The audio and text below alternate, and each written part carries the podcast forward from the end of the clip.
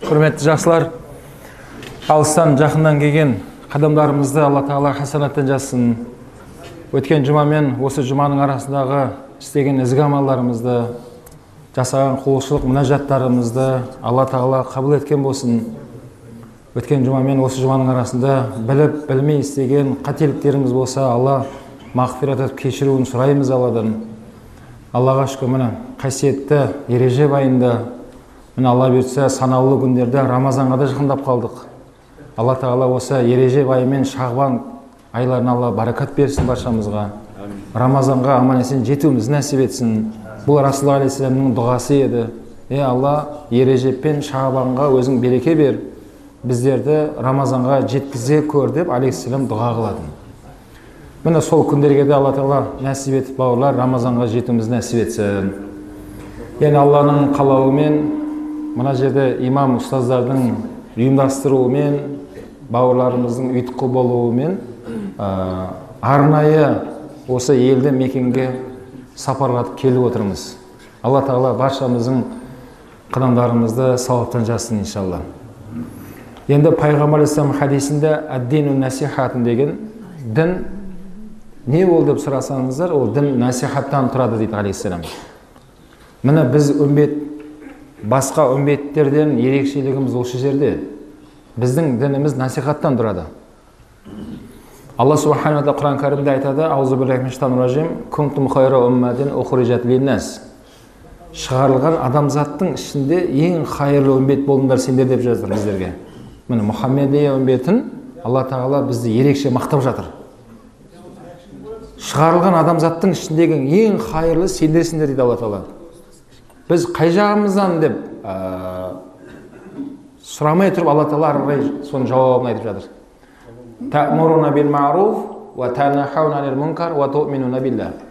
Сендер иманға келдіңдер бір бірлеріңді жақсылыққа насихаттайсыңдар бір бірлеріңді жамандықтан тыясыңдар деп алла субханала тағала осы үш сипатымызбен бүткіл адамзаттың қайырлысыңдар деп алла тағала біздерді мақтап жатыр.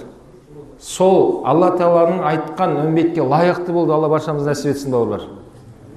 Ертең қияметте осы мұхаммед алейхисаламның үмбеті пайғамбарлардың үмбеттеріне біз куәлікке өтеміз қияметте. Ертең нұх пайғамбардың лут пайғамбардың мұса пайғамбардың кез келген пайғамбардың үмбеті пайғамбарлармен дауласады қияметте. Жоқ мұса айтқан жоқ бізге. Ибраһим жеткізген жоқ.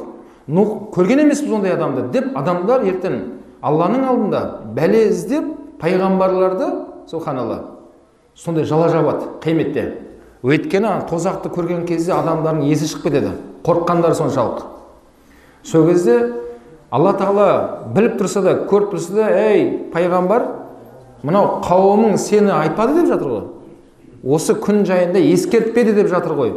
Оған не айтасың? деген кезде жаңа пайғамбарлар айтады екен е алла сен көріп тұрдың ғой бәрін.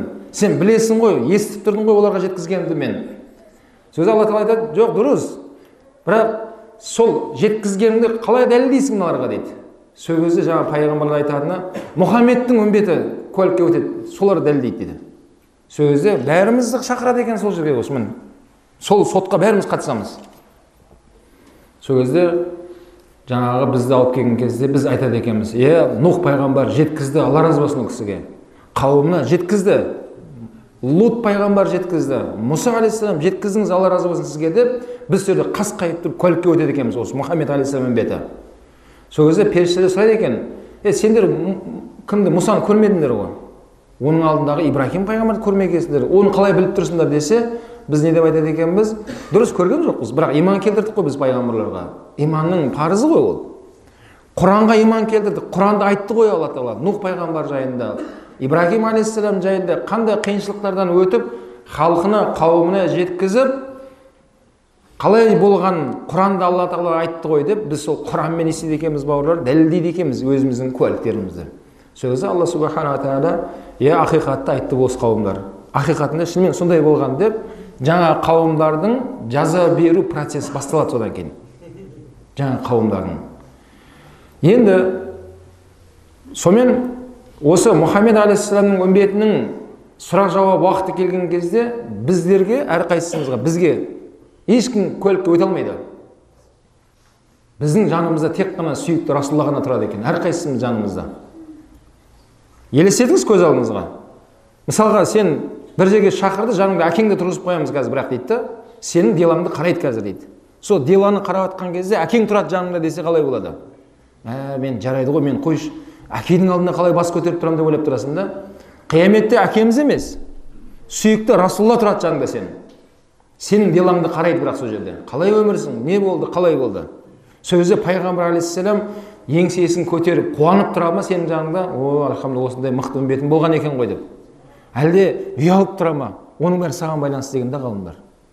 Сол үшін бауырлар міне сол үшін мына дініміз сонда насихаттан тұрады бір бірімізді жақсылыққа шақырып жамандықтан қайтару парыз сол себепті. Міне аллаға шүкір бізге соны парыз етіп қойғанына. Мойнымызда қанша парыз бар? Қанша парыз бар? Көп дейді. Көп қанша сонда? Бәрекелді көкем айтты қырық парыз. Бес парыз ол қырықтың ішіндегі парыз бауырлар мойнымызда қырық парыз бар. Соның мына жетеуі иманда бесеуі исламда он екісі намазда төртеуі дәретте үшеуі ғұсылда төртеуі таяммумда екеуі айлық сырға қатысты нефас хайыздан тазарған кезде жуыну парыз білім алу парыз ең соңғы екеуі жақсылыққа шақыру парыз жамандықтан қайтару парыз. Бас аяқ қырық парыз мойнымызда бар. Ертең қияметте алла бізден сұрамайды. Осындай қазақстанда тұрдың ба саудияда тұрдың ба америкада өмір сүрдің ба деп сұрамайды алла. Алла субхана бізден қырық парыздан сұрайды. Соның ішінде бауырлар міне жақсылыққа шақырып жамандықтан қайтарып жүр деген тақырыпты қозғайық бүгін уағызымызда. Соны әрдайым жеткізіп жүріңіздер. Бұл мәселені тек қана имам ұстаздардың айтуы міндет емес бауырлар. Ол бәріміздің міндетіміз. Сенің де міндетің ол. Інің темекі шегіп тұрса сен де қайтар оны. Имам айтпайсыңдар ма жастар ішіп жүр ғой көшеде деп имамға жауап қоя салыңдар барып сен. Сенің де міндетің ғой. Сен де айтпайсың ба? Мынау бізде сөз бар білесіздер. Қыз бала неше үйден тыйым? Қырық үйден тыйым. Осыны жақсы жаттап алғансыңдар жігіттер молодцы оның жалғасы бар ғой. Ұл бала неше үйден тыйым? Білетіндер бар екен молодцы екі ақ адам айтты. Қалғандар білмейді оны бәрі қыздарға қатысты жерін жаттап алған жақсылап тұрып соны қыздардың көзін шұқиды анамен. Сен де туралы айтып жатыр тыңда ана кісіні деп. Бауырлар оның жалғасы бар отыз бала. Яғни ол баланы отыз үйден тыйым деген жалғасы бар ол мақалдың.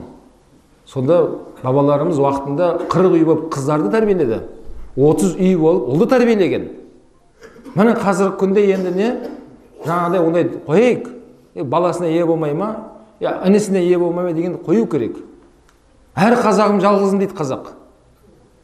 Әр қазағым жалғызым. Міне. Біз бәріміз не? Біз мұсылманбыз. А мұсылман бір біріне кім? Кім болады? Бауыр болады. Құранда алла айтады деген. Расында момындар сендер бір біріңе кімсіңдер дейді? Бауырсыңдар дейді.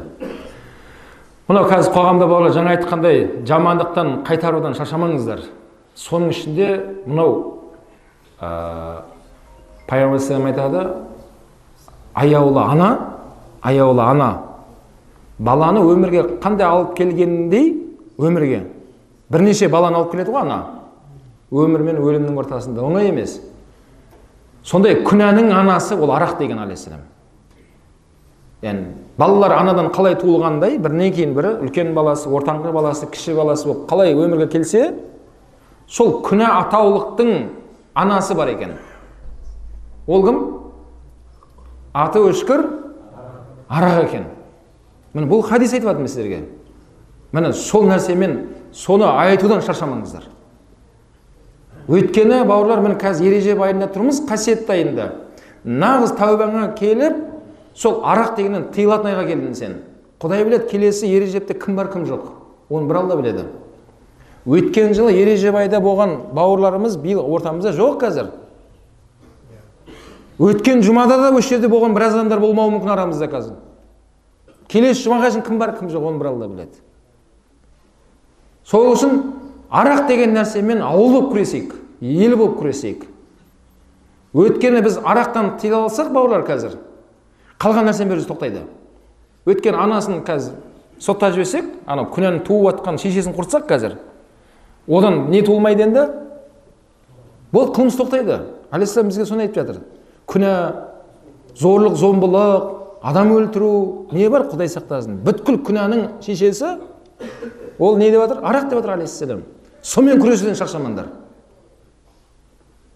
қаншама дүкендер бар аллаға шүкір. Не ғибратты болып жатқан естіп жатырмын осы жерде мынау жаңағы олжас бауырларымыздың басқа бауырларымыздың алла берекет берсін дүкендерінде арақ сатылмайды екен. Алла берекет берсін саудасында бауырлар. Соны ғибрат алыңыздар сіздер. Мен де ғибрат алайын бәріміз ғибрат алайық. Өйткені алла тағала құран кәрімде айтады сендер жан жақтарыңа қарап әла тадаббарун жан жақтарыңа қарап ғибрат алмайсыңдар ма өздеріңе дейді да алла субхана тағала. Енді ол жігіттерді өздерің танисыңдар шыққаннан кейін сұрап алыңдар бауырым нең қалай болып жатыр маржан қалай болып жатыр ана нең қалай болып жатыр деп сұрап көріңдер да ашық айтайын сізге. Сенің арендаңды дүкеннің арендасын сенің анау пайдаңды арақтан келіп жатыр дегенге мен сенбеймін. Енді арақ пен темекіні алып тастасам оны аренді шығара алмай қаламын деп жатқан уағыз шайтанның уағызы ол. Мүмкін емес ол. Оның үшін нан сатылып жатыр май сатылып жатыр. Қажетті халыққа керекті азық түлік дүкен ғой негізінде ол. Жалпы атаулығын өзін арақ сататын дүкен деп қоймаған шығар ол жерде. Не деп қойған дүкендер? Кез келген дүкенді қарасаңыздар бір дүкеннің аталуы иә? Не біреу баласының атын қойып қойған не біреу қатынның атын қойып қойған әйтеуір біреудің атын қойып қойған дүкенге. Солай ғой. Олай емес па иә солай. А оның ішінде енді нені анау нені алып тастамайсыңдар ма? Не жаңағы не еді бәрің білесіңдер. Алып тастаңдар сол пәлекетті. Өйткені ол мынандай нәрсе жігіттер оны күлмеңіздер. Мен әзілсіз нәрсе айтып жоқпын. Мынандай нәрседе мынау бір қапшық картошка деп айтайықшы. Кәдімгідей сартовой мықты бір мешок картошка бар да. Соның ішіне бір шіріген картошка түсіп кетті деп айтайықшы енді. Ешкім салмайды ғой әдейілемен түсіп кетті. Не болады? Анау өз алдына тұра бере ме? Жеке өзі шіріп бітіп бір бұрышта қалып кете ме? Не болады? Шірітеді бәрін. Кейін кәдімгідей мықты картошкаң бар оны сатсаң ақша еді жесең азық еді ғой. Біреуге берсең де ол өнім еді ғой. Ең соңында не болды? Не болды? Бәрін шіртіп ірітіп ағызып ананың бәрін мусорға лақтырасың қазір. Мешогыңмен қосып. Жарамай қалды еш нәрсеге. Сол сияқты сіздің дүкеніңізде алла тағаланың баракат беріп тұрған дұрыс өнімдер бар да ол жерде. Бірақ соны шірітетін картошка бар оның ішінде. Шіріп кеткен картошка. Ол не ол? Ол арақ пен оны алып тастасаңыздар алла баракат береді сіздің ісіңізге. А шайтанның несін тыңдамаңыздар? Шайтан қорқытады ол батырады сені. Ой арендаңды шығара алмай қаласың. Онда дүкенмен ешқандай бұл тема емес пайда жоқ. Қайтемін е ондай сөз тыңдамаңыздар. Бүткіл халық арақ пен темекімен азықтанып жатқан жоқ қой құдай сақтасын. Халыққа азық түлік керек шай керек біреуге май керек біреуге қант керек деген сияқты. Ал мына қарасаңыздар шариғат бойынша он нығметтің тоғызы саудада деп келеді. Негізінде біздің қоғамда ең бай адамдар әлеуметтік жағынан. Енді руханиятта байлық деп имандылықты айтады әлеуметтік нығмет жағынан ең бай адамдар ол саудагерлер болу керек шариғат бойынша. А неге қазіргі күнде саудагерлердің өзін қараған басынан артылмай жатыр өзінің туысына көмектесе алмайды. Ағасы келіп інім көмектес жағдай болып қалды десе ой братан саудам өзі қиын болып жатыр дейді. Өйтіп айтпау керек еді ол. Ең бай адам қоғамдағы саудагерлер болу керек еді негізінде. Неге? Жаңағыдай шіріп кеткен картошкалары бар да олардың бизнестерінің ішінде. Сондай күмәнді бір жұмыстары бар өздері де біледі оны. Айтсаң мойындамайды бірақ. Бірақ бар сондай нәрселер. Мүмкін емес деймін. Егер сенің бизнесің жүрмей жатса құлдырап жатса мүмкін емес сен бір нәрсе қостың анаған деймін да. Мүмкін емес біреудің хаққысын жедің немесе сен. Сонымен алла тағаладан келіп тұрған баракаттың есігін өзің жаптың қазір деймін. Өйткені алла тағаланың берекеті тоқтамайды. Ол келіп тұр жан жағымыздан просто өзіміз жауып қоямыз есікті. Алла құранда айтады ғой сендердің бастарыңа келген қиыншылықты өздерің қолдарыңмен істеген күнә себепті болып жатқанын білесіңдер ма дейді да алла құранда. Сонда біздің өміріміздегі болып жатқан қиын сәттерді кейде өзіңнен іздеп деп жатыр алла тағала бізге. Алланың хаққысында пайғамбар айтқан тек жақсы ойда болыңдар деген. Алла субхана ешкімнің кислородын жауып қоймайды. Алла тағала ешкімнің абыройын төкпейді. Просто адам өз өзінің абыройын төгеді. Жаңағыдай пендешілігің шіріген картошкаң көбейе бастаған кезде өзің де іріп шірей бастайсың. Ол сондай нәрсе ол. Сол үшін бауырлар міне ереже айына келдік па осы айда тәубамызға келейік бауырлар. Әлде де кеудемізден жанымыз шықпай тұрған кезде оны істеп кетіңдер. Мен мынау осы сарыағаштың ар жағында абай деген жердің тумасымын. Туып өскен балалық шағым сол жерде өткен қазір алматыдамын. Сол абай деген біздің ә, ауылда біздің бала кезімізде ондай емес еді. Кейін жаңа насыбай деген пәлекет дамып кетті. Мен қарағандыда имамдық қызметте жүрген кезде анау көшеден өтіп бара жатып абайский насыбай абайский насыбай дейді да анау сатушы. Енді өтіп бара жатып құлағым кәдімгі елең ете қалдым. Қайтадан бұрылып келдім да жаңағы сатып тұрған апай екен әйел кісі. Абай қандай насыбай мынау? дедім ғой. Абайский насыбай мықты алсайшы балам дейді. Қай жақтың абайы? дедім ғой. Е анау сарыағашты білесің ба сол жақта бұл насыбай дейді тура менің ауылымда айтып тұрған ол қазір жүрегіме анадан сұғып алғандай болды ғой ана пәлекетті жаман болдым бірақ ауылыма барған кезде ит терісін басына қаптап уағыз айттым соларға құдайдан қорықпайсыңдар ма біздің ауылда абай атамыздың атына берілген еді. осы ауылдан абай сияқты мықтылар шықсын деп. осы абай сондай баракат болсын деп. сендер былға бастар біздің абайдың атын деп. көрдіңіз ба? сол сияқты айтарым сол абай деген ауылымда жаңа әкемнің айтып бергені бар еді. Сол ә, мешітке осылай келіп кетіп жүрген жасы үлкен әкемнен жамағаты бар еді ана кісі. Өмірден өтіп кетті ол кісі алла рахматын сол кісі уақытысында андай неде жұмыс істеген екен? Енді телефон түсірмей ақ қояйын жай әңгіме ғой арамызда анау автобаз дейміз ғой баяғы автобус айдаған екен да. Кейін жаңа бір тәуелсіздік алған кезде бір қиын кезең болып көп адамдар жұмыссыз қалып сондай бір кезең болды ғой. Сөзі ана кісілерде жаңағыдай ә, кішкене бір, күнкөріс болсын уақытша деп жаңағыдай үйреніп алып насыбайды бастаған ғой ана кісі. Кішігірім кішігірім әйтеуір бір күнделікті қажетін өтесем болды андай объем керек емес деп жүріп сөйтіп жүріп ол кісі қартайып балалары соны есейіп соның бәрін игеріп кеткен. Өте үлкен объемға кірген балалары. Соны өле өлгенше жаңағы қария кісі жылап өтті өмірден. Мен әкеме айтады е әліпбай деді мен балаларымды тоқтата алмай қалдым да харамнан деді. Тыңдамайды мені дейді бұлардың есіл деді ақша дейді фуралар бірінен кейін келіп алып кетіп жатыр келіп жатыр алып кетіп жатыр россияға кетіп жатыр бәрі дейді ана кісі сол жылаған күйі өмірден өтіп кетті. Қиын мәселе екен бұл. Әлім келе алмай қалды. Харамды өзім бастаған едім құдай мені кешірсін мен тоқтата алмадым деді ана кісі. Балаларға өтіп кеткен ана бизнес. Балалар тыңдамайды екен. Оны пайғамбар алейхисалам бізге ескерткен бауырлар. Пайғамбар айтады сендер өмірден өткен кезде де арттарыңнан сауапты келіп тұратын осындай жұмыс қалдырып кетіңдер деген да? Міне мешіт соғып кеттің ба? Мектеп соқтыңыз ба? Жол соқтың ба? Тал ектің ба? бір шәкірттің төлей алмай жатқан ақысын төлеп бердіңіз ба оқуын? Солар жұмыс істеп тұрады екен қоғамда. Сен өмірден өтіп кетсең де сен долядасың тоқтамай келіп тұрады сізге. Алейхисалам айтып жатыр. Хадистің жалғасында. Сендер мынандай нәрсені істемеңдер дейді. Сендер өмірден өтіп кеткеннен кейін де күнә келіп тұратын жол қалдырып кетпеңдер деген алейхисалам сен қазір дүкеніңде арақты алып кетпесең қазір алып тастамасаң сен бала шағаң железін алмайды оны өйткені ол не? Әкесі алмаған ғой. Е әкеміз оны дамыт деп айтты бізге.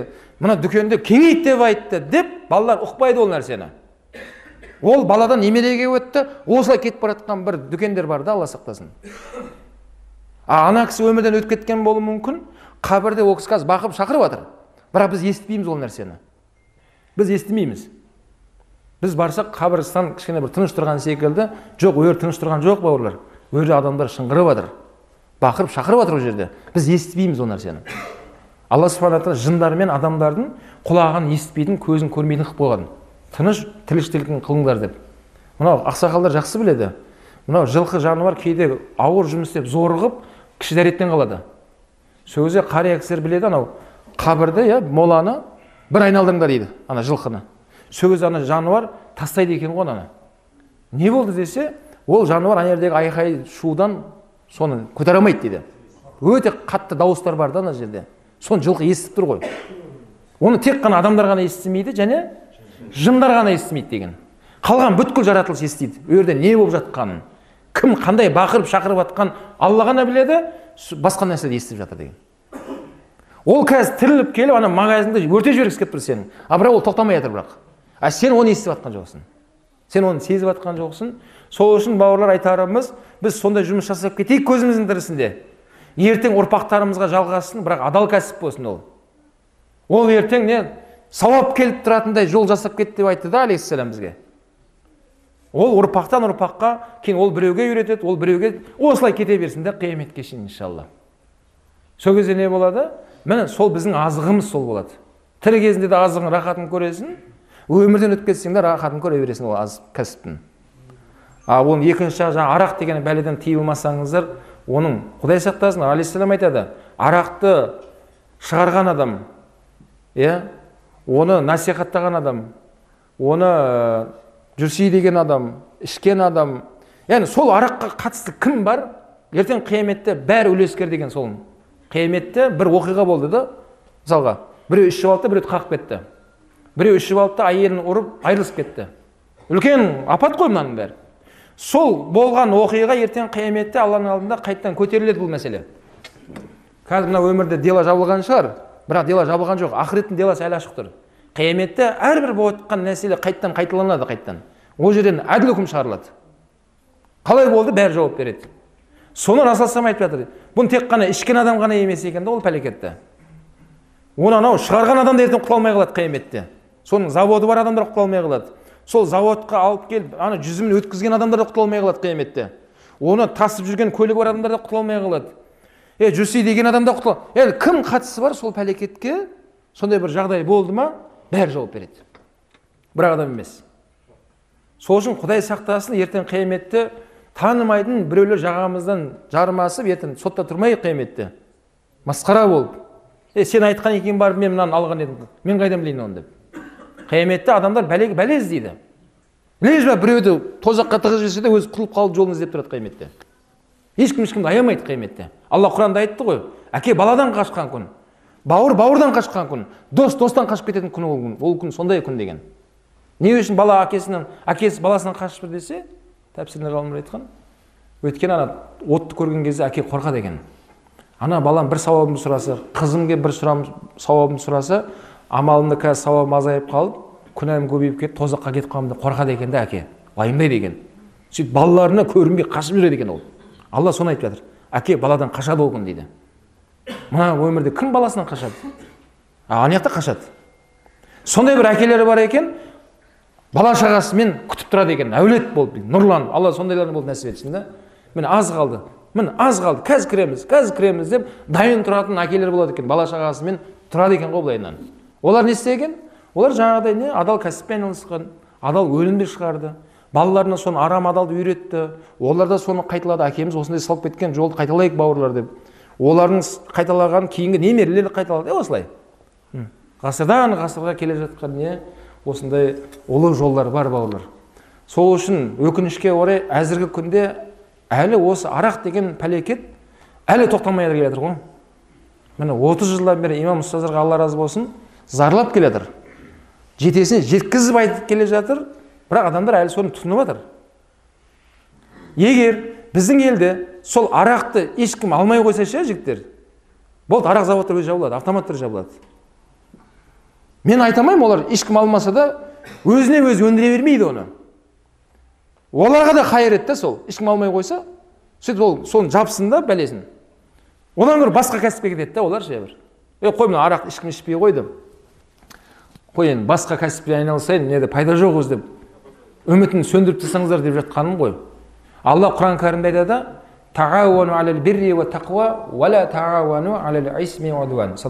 алла айтады сендер жақсылық ізгі амалда бір біріңді насихаттап көмекші болыңдар дейді алла тағала. Деп көмектес бір біріңе тақуалыққа сүйре бір біріңді ей кесейші бауырым деп. Бірақ күнәда ықылас жұмыстарда харам жұмыстарда ешқашан бір біріңді көмектеспеңдер ешқашан бір біріңді қолдамаңдар дейді алла тағала. Сен былай тұр дейді. Жақындама оған дейді. Өйткені ондай пәлекетке келген кезде тіпті балаңды да айырып жібереді шариғат. Нух пайғамбардың баласы ана суға кетейін деп жатқан кезде нух алейхисалам келіп баласын көрді де е алла сен айтқан едің ғой сенің ұрпағыңды құтқарамын деп айтқансың сен әһліңді баламды құтқар деген кезде алла тағала не деп айтты е нух ол сенен емес деді сен оған басын қатырмай ақ қой деді бала суға кетті неге өйткені ол мүлік алланікі сенің балаң емес ол сенің себебіңмен өмірге келді ол бала бірақ әке жауап береді сол үшін құрметті ағайын туыс жаңа айтқанымыздай бұл пәлекетпен алысайық ә, бұл нәрсе пайғамбар алейхисалам заманында аят түсіп бұл үкім шығып қойған. Бұны ешкім адал дей алмайды. Ешкім адал дей алмайды. Тәубаның есігі ашық тұр қазір үлгерсең болады. Бірақ екінші ішпеді тәуба етсең кешіріледі. Бірақ ол пасық мұсылман болып айтылады. Күнәһар мұсылман өзі ішіп қойса. Бірақ одан да үлкен мәселе бар. Е іше беріңдер пайдасы бар екен нормальный екен деп пәтуа берсең сен кәпір болып кетесің неге алла субханала тағаланың үстінен үкім шығаруға ешкім хақысы жоқ алла құран кәрімде оның харам екендігін айтып қойды иннамал хамр уәл майсир уәл уәл ансоб алла айтады әрбір маскүнемдікке алып баратын ішімдік бақсылар балгерлер сиқыршылар бұның бәрі шайтанның амалдарынан иә? А ойын құмар бар еще. Ойын құмарлар мына казино букмекер. Бәрі шайтанның амалдарынан осылардың бәрі. Жақындама оған. Қаш аулақ жүр дейді. Мүмкін сөйтіп құтылып кетерсіңдер сендер азаптан дейді да алла мүмкін құтыласың сол арқылы. Сол үшін алла тағала кескінді үкімін аятын шығарып қойған. Оны ешкім адалдай алмайды бауырлар. Енді дәрігер айтты енді пайдасы да бар екен. Арасында арасында деген нәрсенің бәрін харам оның бәрі. Ондай пәтуа айтпаңыздар. Өзің уақытысында ішкен болсаң оны да мақтанбай ақ қой. Енді іштік қой енді уақытысында. Құдай кешірсін деп қояды неғып айтып жатрсың оны? Бол құдайға айт сен оны. Тахажүдте айт жыла көзіңнен жас емес қан шығып жыла. Алла мені кешір мен сондай істеп қойдым баяғыда. Енді істемеймін де. Сөйт та бірақ басқаларға айтып жүр. Е інілерім балаларым міне біз істеген нәрсені қайталамаңдар сендер. Деп сол нәрсені айтып жүру парыз екен бауырлар сол кезде не болады алла тағала? Өмірімізге кәсібімізге нәсібімізге алла баракат береді. Міне кеше көріп жатсыздар алматыда жер бір сілкініп қалғанда адамдар не болды? Не болды? Иә? Қандай жағдай да бір ақ сілкіді әшейін бір сілкіп берген еді адамдар қандай жағдайға түсіп қалды? Сол үшін алла субханала тағаланың пәлекеті қай жерде күнә қылмыс көбейсе сол жерге барады деген. Демек ашық айтайын демек алматыда мен алматыдамын біздің алматы деп айта берейін. Демек мына жаққа қарағанда демек көбірек қылмыс болып жатыр значит ол жақта. Ол жақта демек жақсылап тұрып істеп жатыр адамдар бірдеңелер демек. Арақтар сатылып жатыр ішіліп жатыр шегіліп жатыр істелініп жатыр. Алланың бір ескертуі келді ол жерге. Е естеріңді жиыңдар деп жатыр. Көрдіңіз ба? А мына жақта отырып алып оны ғибрат алыңыздар сіздер. Е алматы сілкініпті ғой деп оны анау жаңағыдай табаламаңыздар. Одан не алыңыздар? Ғибрат алыңыздар. Кім айтты? Шымкентте де жер сілкінісі болмайды. Оны кім айтты саған? Мүлік алланікі қалаған жерін сілкіп жібереді алла тағала. Қаласа астын үстіне шығарып қояды да қазір. Үстін астына тығып жібереді ол мүлік алланікі ол әңгіме ол жаңағы құрылысшыларда да емес. Әңгіме ол ғимараттарда емес. Әңгіме ол емес. Оның тікелей кімнен келіп тұр ол мәселе? Алладан келіп тұр ғой. Көрдіңіз ба?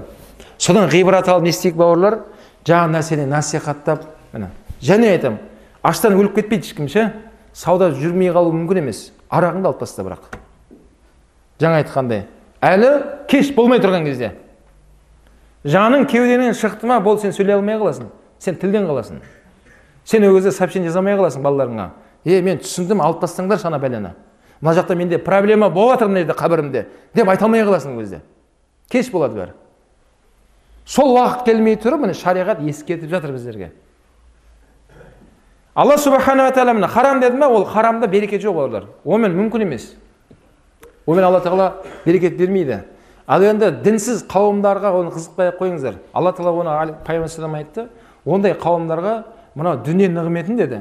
Сүйген пендесіне де сүймегеніне де бере береді деді. Қазір олар немен айналысады алла оларға бере береді дүниесін. Ал оларды ойлап жатыр мұсылмандар е мұсылман емес діні бөлек ана адамдар сондаймен айналысса да байып кетті ғой ақша соларда ғой. Неге сол шетелдің азаматтары мықты тұрады? Немен әлеуметтік жағдайлары мықты? Бай ғой олар деп қызғайын десең оны расулам айтып қалды е ол қызығатын нәрсе емес ол. Араб тілінде дүния деген мәселенің мағынасы бұл ең төменгі деген сөз. Мысалы араб тілінде құл адна калима дейді. Ең төменгі бір сөз айтшы дейді араб тілінде ең төменгі сөз соны дүние деп айтылады дүния оны пайғамбар айтады хадисінде егер осы дүние нығметтің алланың алдында бір масаның бір қанатындай қанаты иә бір қанатындай абыройы болғанда алланың алдында кәпірлерге алла бір құлтым су бермейтін еді алла тағала дейді оларды шөлдеп өліп қалып өлтіретін еді алла тағала оларды сондай алла тағалаға серік қосып жатыр опасыздық жасап жатыр алла тағала оларды сондай азаптайтын еді дейді бірақ алланың алдында сол дүниенің несі болмады? Масаның бір қанатындай да салмағы жоқ дейді да алланың алдында. Сосын бере береді деді. Сүйген пендесіне де сүймегенге де бірақ иман байлығын кімге ғана береді деді?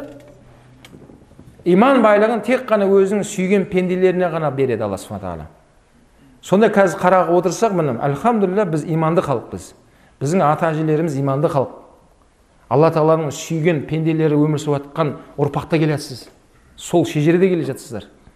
Қандай бақыт қой аллаға шүкір. Мен мынау 2012-де аляскарды тамамдап сол дипломымызды алып елге қайтатын кезім еді. Сол жаңағы мысырлық досым бар. Группалас дейміз ғой. Сол жаңағы мысырлық досым айтып жатыр маған. Араб қой. Ә, қазақстанда сен сияқты араб тілінде сөйлей ала ма дейді да халық дейді. Мен айтамын жоқ деймін. А деді. Неғып сұрап дедім ғой. Ол жаңа досым айтады егер араб тілінде сөйлей алады араб тілінде түсіне алады десе қазақстар мен сенімен бірге қазақстанға барып өмірімді соңына дейін сол жақта қызмет етемін дейді да ана жігіт. Дінге қызмет етемін дейді жаңа араб айтады. Мен айттым енді неге дедім ол десе мен интернетті қарадым дейді. Оказывается деп айтады сенің еліңде әлі ішетіндер бар екен әлі дейді. Сенің еліңде арақ бар екен ғой? дейді анау айтады. Сенің еліңде жаңағыдай қылмыстың түрлерін көріп тұрмын интернеттен көрдім дейді. А жаңа жігіт айтады мен елімде кімге қызмет қыламын? дейді. Намаз оқы деп айтайын десем елдің бәрі намаз оқиды дейді. Арақ ішпеңдер деп айтайын десем арақтың өзі жоқ елімде дейді. Ораза ұстайын десем елдің бәрі ораза ұстайды е құран жаттасайшы деп айтайын десем елдің бәрі қари. Тарауға талай қатыстық қой. Ана муташаби аяттарға қарекеңдер кішкене оқып оқып келеді да бір сөзге келген кезде сол жерін өте мұқият болмаса басқа аятқа кіріп кетеді да кетті басқа параға. Сол кезде мына үйіп тұрған жамағат бәрі ду ете қалады ғой. Бәрі лұқма береді ше. Мына тұрған бәрі қария ғой. Олар да балабақшадан бастайды құран жаттауды. Оларда мектепті бітіріп айтысады аламыз ғой біз. Сол кезде отыз пара құраннан емтихан бар олардың балаларында. Кәдімгі отыз пара құраннан емтиханның бәрінен өтіп басқа пәннің бәрін өткеннен кейін барып мектеп бітіреді да ары қарай университетке кетеді институтқа кетеді басқа. Сол досымның айтқанын еш есімнен шықпайды бауырлар. Ә, айтады сауаптың көкесін сен еліңде көріп тұрмын ғой дейді да жаңа жігіт айтады. Мен елімді кімге жеткіземін? дейді. Елдің бәрі істеп жүр ғой дейді да діннің бәрін. Сол үшін бауырлар айтарымыз не? Ә, қалай болса да бірақ альхамдулилля жетістігіміз өте көп. Қазір күннен күнге не болып жатырмыз? Имандылыққа бет бұрған жастарымыз саны көп аллаға шүкір. Міне ә, мағжан жұмабаев атамыз айтқан сөзі осы еді. Мен жастарға сенемін деп тұрғаны. Иә? Әлихан атамыз не дейді тірі болып тұрсам қазақ ұлтына қызмет етпей не қоймаймын деген ол кісі. Ұлтқа қызмет ету иә білімнен емес. Неден деген? Жоқ иманнан дейді. Иманнан емес. Неден? Мінезден деп айтқан. Мінезді болыңыздар деп айтқан ол кісі. Біз қазір мінез деген нәрсені қазір басқаша түсініп кеттік. Бір адам кішкене ашушаң болса мінезі жаман екен дейді. Бір адам сәл ана бөліп бөліп биязы сөйлесе мінезі жақсы екен дейді мінезге мінез емес оның бәрі ол мінез емес мінез деген не жаңағы отыр ғой ұлтқа қызмет ету мінезден деп тұр ол не нәрсе ол десе міне жаманшылықтан өзін тыйған адам жақсылыққа ұмтылған адамды шариғатымыз мінезді деп айтады ол сабырлы ол тазалықты сүйеді білімді сүйеді иә құлшылықты жақсы көреді алла расулды сүйеді арам нәрседен жеркенеді ол адам ше мінезді деп сондай адамды айтылады. Мінезі жақсы деп. А біздер қазір ол сөзді біз басқаша қолданып кеттік. Бір адамның бойындағы эмоциясына қарап айтып жатырмыз қазір. Міне мына кісі мінезі жандай екен. Жоқ ол мінезге қатысы жоқ ол нәрсенің. Сонда бауырлар демек сол айтып жатқан ә, әмір маруф нәкір мұнкар елімізде жалғасу керек. Жаңа айтқанымыздай бұл тек қана имам ұстаздардың ғана міндеті емес. Міне бүгінгі осы арақ туралы отбасыларыңызда балалардың алдында анау дастарханның басында айтып отырыңыздар. Балалармен кішкене көңіл бөліңіздер. Тым болмаса бір күнде бір мәрте не таңғы аста не кешкі аста балалармен бірге отырып тамақтану керек міндетті түрде ол. Бір күнде әке бір мәрте отыру керек балалармен. Ана балалар е кетіңдер әкең келді жұмыстан бар кетіңдер шаршап келді тамағын жей бастаған екен. Қойыңыздар ондайды олардың бәрін жинап алыңыздар. Бәрін жинап ал да тамақ ішіп отырып балаларыңызға айтып беріңіздер осы нәрседен жақсы нәрсе айт. Арам нәрсені үйретіп қой. Е мына нәрсе жаман нәрсе болады екен. Балам бұның нәтижесі мынандай қалып барады екен деп баланың санасында қалу керек сол нәрсенің бәрі. Ертең ол бала есейген кезде қазір біздің осы айтып жатқан сіздердің көтеріп жатқан мәселелеріңізді олар одан баяғыда естіп қойған оны қайталамайды ешқашан. Міне ел боламын десең неңді түзе дейді? А әңгіме сол жақтан кетіп жатыр. А оны қазір біздер осы отырған бәріңіз патшасыздар. Бәріміз патшамыз. Мынау кіші мемлекет қой отбасы деген. Сол отбасындағы басшы қандай? Қол астындағы мемлекет солай болады. Не мықты болады не құлдырайды ол мемлекет. Бала шағаң сенің халқың ол. Қатының жанындағы ол министр жанындағы көмекші. Бәрі саған қарап тұр қазір. Сен аузыңа темекіңді тығып қойып картаңды ойнап ішіп шегіп жүре берсең саған кім айтты сені мықты бөгенбайлар өмірге келіп жатыр? О мына балам әл фараби болады деп қояды. Темекің бұрқап отыр бірақ. Оны кім айтты саған оны? Сен өз өзіңді алдамай сай ояннан оны кім айтты саған? Балаңның аты кім десем не өйткені біреу айтады а жаңағы абылай хан дейді да. Түріне қарасам ана жігіт абылай хан әкесіне ұқсамайды бірақ. Мен айттым қазақта жақсы сөз бар дедім да иә жаман итінің атын не қояды деген? Бөрі басар қойыпсың ғой бауырым дедім да. Е сен абылай ханның қойдың ба балам? Соның әкесі сияқты жүрмейсің ба енді? Немесе кейде мен сұрайды ұстаз балам атын мұхаммад деп қойсам бола ма пайғамбар ауыр емес па? дейді. Мен айттым жоқ ауыр емес деймін. Дінде ондай мәселе жоқ. Бәлкім пайғамбар айтқан балаларыңның есімін пайғамбардың есімімен қойыңдар. Ибраһим деп қой мұхаммад деп қой иә бірақ сізге ауыр болады деймін. Сол мұхаммедтің әкесі болып жүру сізге байланысты деймін. Сен арағыңды ішіп алып пивалатып жүрсең ертең көреді да сен балаңды боқтайды. Е анау әкесі сол ма ананың деп? Баласының аты мұхаммад әкесі не? Ішіп жүр да. Ол саған ауыр болады деймін. Ертең сен жауап бересің сол. Мұхаммедтің әкесіне лайықты бола алмағаның үшін. Ол саған байланысты деймін. А балаңда ат қою проблема жоқ деймін. Сол құрметті жамағат иә қатты айтып демеңіздер бұл ақиқат негізінде. Осы нәрсені біз доғармайынша осы пәлекеттен құтылмайынша жаңағыдай не? Ә, табиғи апаттар аспаннан келетін жерден келетін түрлі нәрселер қайталана береді. Оған ешқандай күмәнім жоқ. Міне. Мүлік алланікі сақтаушы алла. Қияметке шейін осы қазақ даламызды алла сақтасын деп дұға қылып жатырмыз. Себебін жасап кетейік соның. Жақсылықтың дәнін егіп кетіңіз әркім өзінің отбасына ие болсын. Әркім өзінің қатын бала шағасына ие болсын. Ешкімге ақыл айтпай ақ қой. Әркім өзіне ие болсын. А ол бала шағаң ие бол дегеннің мағынасы сен оған көрсетесің болды. Мысалға әке көрген бала иә сені көру керек ол бала қандай екеніңді. Балаңыздың мықты спортпен айналысқанын қалайсың ба? Спортпен айналыс балаң ертең кәсіпкер болған қалайсың ба? Мықты өзің мықты кәсіпкер бол. Ешкімді алдама арбама адал өнімдермен айналыс иә балаң білімді болған қалайсың ба? Өзің білімге құштар бол. Балаң ертең азамат болған қалайсың ба? Өзің мықты азамат бол қазір қоғамда. Бәрі өзіңе байланысты. Бала ертең соны не істейді? Қайталайды. Ол балаға тәрбие бермеңіздер. Мынау кітапты қараңыздар да. Біздің тарихымызда қазақ әдебиетінде тәрбие деген осы сөзді балаға қолданбаған. Балаға көрсетеді қолданған. Тәрбиені адам өзіне қолдануды айтқан сол кітаптарда. Өзіңнің нәпсіңді тәрбиеле балаға қолданба бірақ. Ал қазіргі күнде бұл басқаша болып кетті. Тәрбие жұмыстарын өткізуіміз керек деп қояды кейде. Мектептерде тәрбие жұмысы ата аналар тәрбиесі дейді тәрбие. Тәрбие бәрі айналып келсе балаға жауып қойды бәрін. Сол балаларға елдің бәрі ақыл айтушы. Ал бірақ тәрбие ол ол жақта емес. Тәрбие өзіңнен бастайсың сен ана көрген қыз бала не істейді? Тон пішер дейді. Қыз бала ұяда нені көрсе нені көрсе. Ұшқанда соны іледі. Анасын көріп қызын ал дейді келіндікке. Анасы қандай адам екен деп? Әкесін көріп қызыңды бер дейді келін біреу сұрап тұрса қызыңды. Күйеу балаға қарама оның ар жағында әкесіне қарау керек. Әкесі қандай адам деп? Ішпейтін шекпейтін бір әулетті үйіріп үйтіп ұстап отқан тақуа кісі болса ойланбай қиналмай баласына бере бер қызыңды. Неге? Ол бала сол әкені қайталайды ертең ар жақта әкесі мықты ғой ол баланың. Тектілік деген сол да.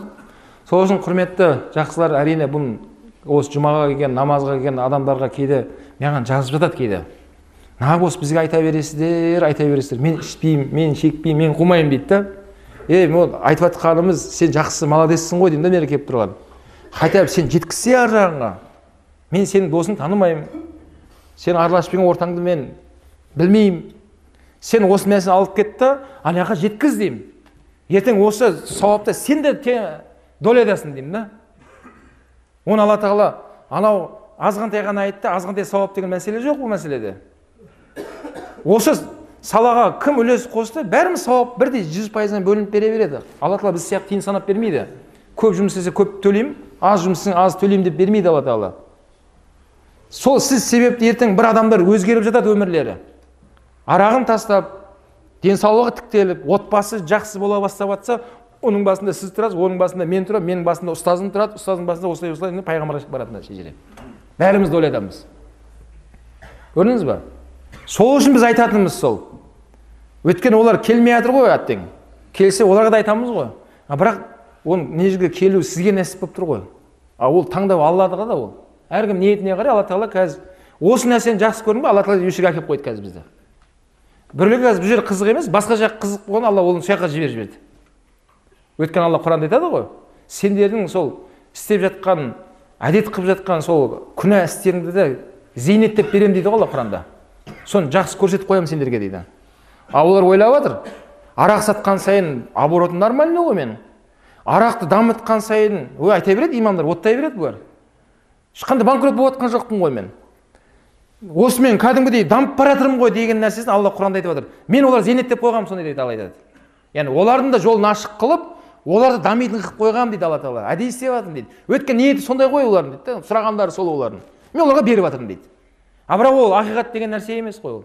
Бұның сонымен кете берсең тозақтың есігі ашық тұр неде осымен тіке жол қайда барып бітеді десе тозаққа барып бітеді ол.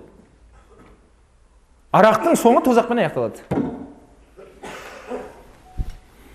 Сол үшін құрметті ағайын туыс мына уақытымыз да таяп қалыпты міне сұрақ келген ғой деймін.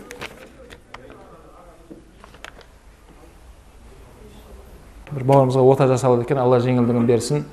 Сұрақтарыңыз бар ма араққа қатысты? Сұраңызшы көке. Бір бес минут уақытымыз бар екен а? Сіз енді ішімдік туралы айтып жатсыз ғой қазір жаңағы пайғамбар мұхаммед алейхисалам дәлірек айтқанда ер ұятта арақты уже сатуға жаңағы рұқсат беріп қойды үкім шығарып қойды ғой бен салман бұған не айтасыз? Кім рұқсат беріп қойды дейсіз? Бен салман ну сауд арабиясының жаңағы не принц та енді аға мына нәрсе. Біз қазіргі таңда қазіргі міне қазір біз өзіміздің замандас деп айтайықшы. Мысалы қазір осы заманның қазір біз бәрі бір бірімізге сахабамыз осы заманның. Бұл заман болсын өткен заман болсын келер заман болсын ә, бір ұлт екінші бір ұлтқа бір адам екінші бір адамға ғибрат бола алмайды. Яғни қазір арабтар өзіңіз айтқандай арақ сатуға біреулер рұқсат беріп қойды деген сөз бұл шариғат емес. Яғни рұқсат берді деген сөз болды. Арабтар айтса болды бұл нормальный деген сөз емес аға. Бізге ғибрат бір ақ адам бар. Кім ол? Міне мұхаммед алейхисалам алла құран кәрімде айтты. Хасана деген. Сендерге ғибрат болатын үлгі алатын бойларыңды түзейтін бір ақ адам бар деп жатыр алла тағала ол кім? Ол мұхаммед алейхисалам деді. Пайғамбар алейхисалам өз хадисінде айтып кетті. Бұл бұл хадисті алейхисалам сол өмірден өтетін шағының алдында айтты осы сөзді. Мен сіздерге екі жол қалдырып бара жатырмын деді. Екі мәселе. Осы екеуіне мықты ұстаныңдар адастырмай менің алдыма алып келеді осы екеуі деді. Мен сіздерді бұлақтың алдында тосамын деді. Каусар бұлақты айтып жатыр каусар деді ғой алейхисаламға. Біз саған расында каусар бұлақты бердім деді ғой алла тағала. Каусар бұлақты сол расулланың қолынан сол кәусар ішуді нәсіп етсін өршеде тұтқан баршамызға иншалла. Ал оны ішкен адам мынау шөлдеу деген нәрсені арылады екен бәрі. Бұл өміріңде шөлдемейтін адамға айналып кетесің сен. Оның дәмі мынау балдан да тәтті деді алейхисалам оның реңі сүттен де аппақ деген. Кәусар бұлағы. Сол кәусар бұлақтың алдында мен сендерді тосамын ей үмбетім деді алейхисалам бірақ адастырмай алып келетін екі ақ жол бар сендерге. Осы екеуіне мықтысың деді. Ол қандай жол?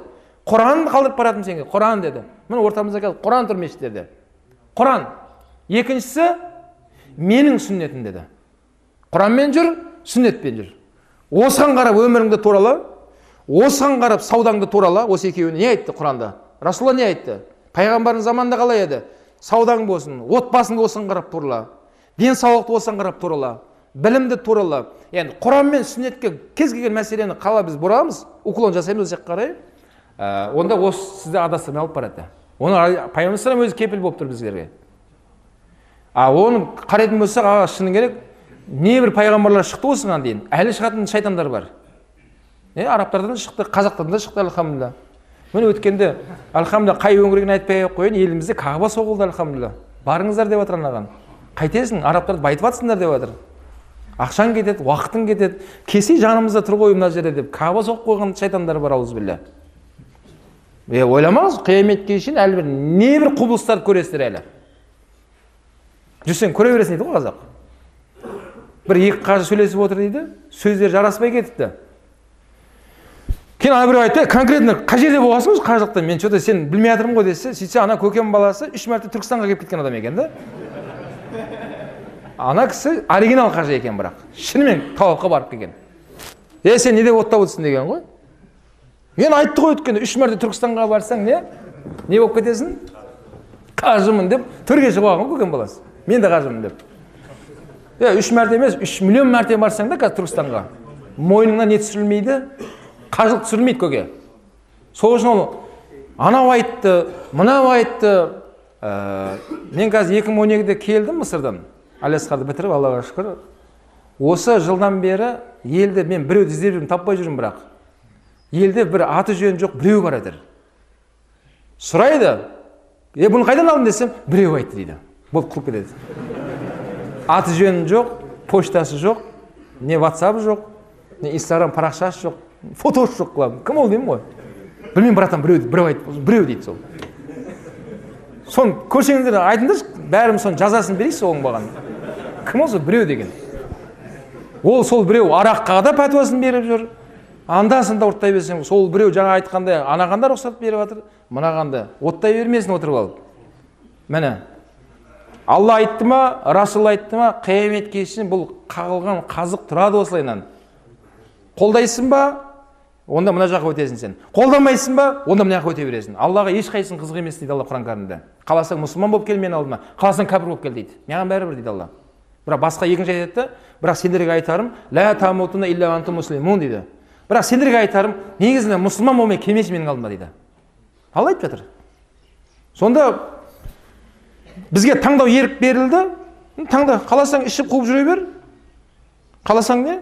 Тура жолда нәпсіңді тый да бәрінен тыйыл ғалымдар айтады ертең жәннатта да нелер бар екен? Ішімдіктер бар екен. Шараптар бар. О көкем иә деп жатырмын иә. Шарап бар көке кітапта естіп келген. Жәннатта шараптар бар деген. Мынау шарапхана емес шараптар бар ол жерде сонымен не? Оны ішкен кезде бірақ мынадаяқтай емес екен да енді. Жаңағыдай басын ауыртып құсқызып перегар ұрып мазасы кетпейді оны. Оны ішкен сайын адам ләззат алатын сондай ішімдіктер деп келеді. Ә, бірақ ғалымдар айтады бір адам жәннатқа кіргеннің өзінде мүмкін деген ғалымдар мүмкін. Мына өмірде сол ішімдігін арағын тастамай жүрген кейбір адамдарға деген мүмкін жәннаттың шараптары берілмейді деп айтқан. Не үшін десе ол арамына қарамастан мына өмірде қолданған үшін дейді. Мүмкін дейді. Қияметте қор қыздары бар. Мына өмірде біреу зінадан тыйылмастан арамнан тыйылмастан сөйтіп басқа бір алланың рахматымен жәннатқа кіріп кеткеннің өзінде дейді. Мүмкін деген ғалымдар. Алла ондай адамдарды қор қызынан қияметте махрұм қылып қояды деген. Көршісіне беріліп жатыр шараптар беріліп жатыр дәріні алып жатыр. Бірақ саған келген кезде ноль да бірақ. Сені өтіп кетеді аналар саған берілмейді. Е мен де көрейін десе жоқ саған болмайды дейді. Неге болмайды? Сен анау өмірде не істеп қойғансың оны? Пайдаланып соны ішіп қойғансың. Сонымен расчет дейді. Ренжіме дейді. Сонда өмір бойы орын толмас өкініш деп айтқан ғой ғалымдар бұл мәселені. Өйткені қияметтің шегі жоқ қой. Жәннатты алла тағала жаратты оның басы бар аяғы жоқ қылып қойған да. Яғни аяқталмайды ол. Мысалы мынандай нәрсе болса да егер бір ғасырдан кейін бір ғасыр жүз жыл ғой қазір бір ғасыр осы өмірден өтсе мысалы бір адам. Сөйтіп қайттан екінші ғасырдан кейін ана жақта бір ғасыр болып келіп ақыреттің.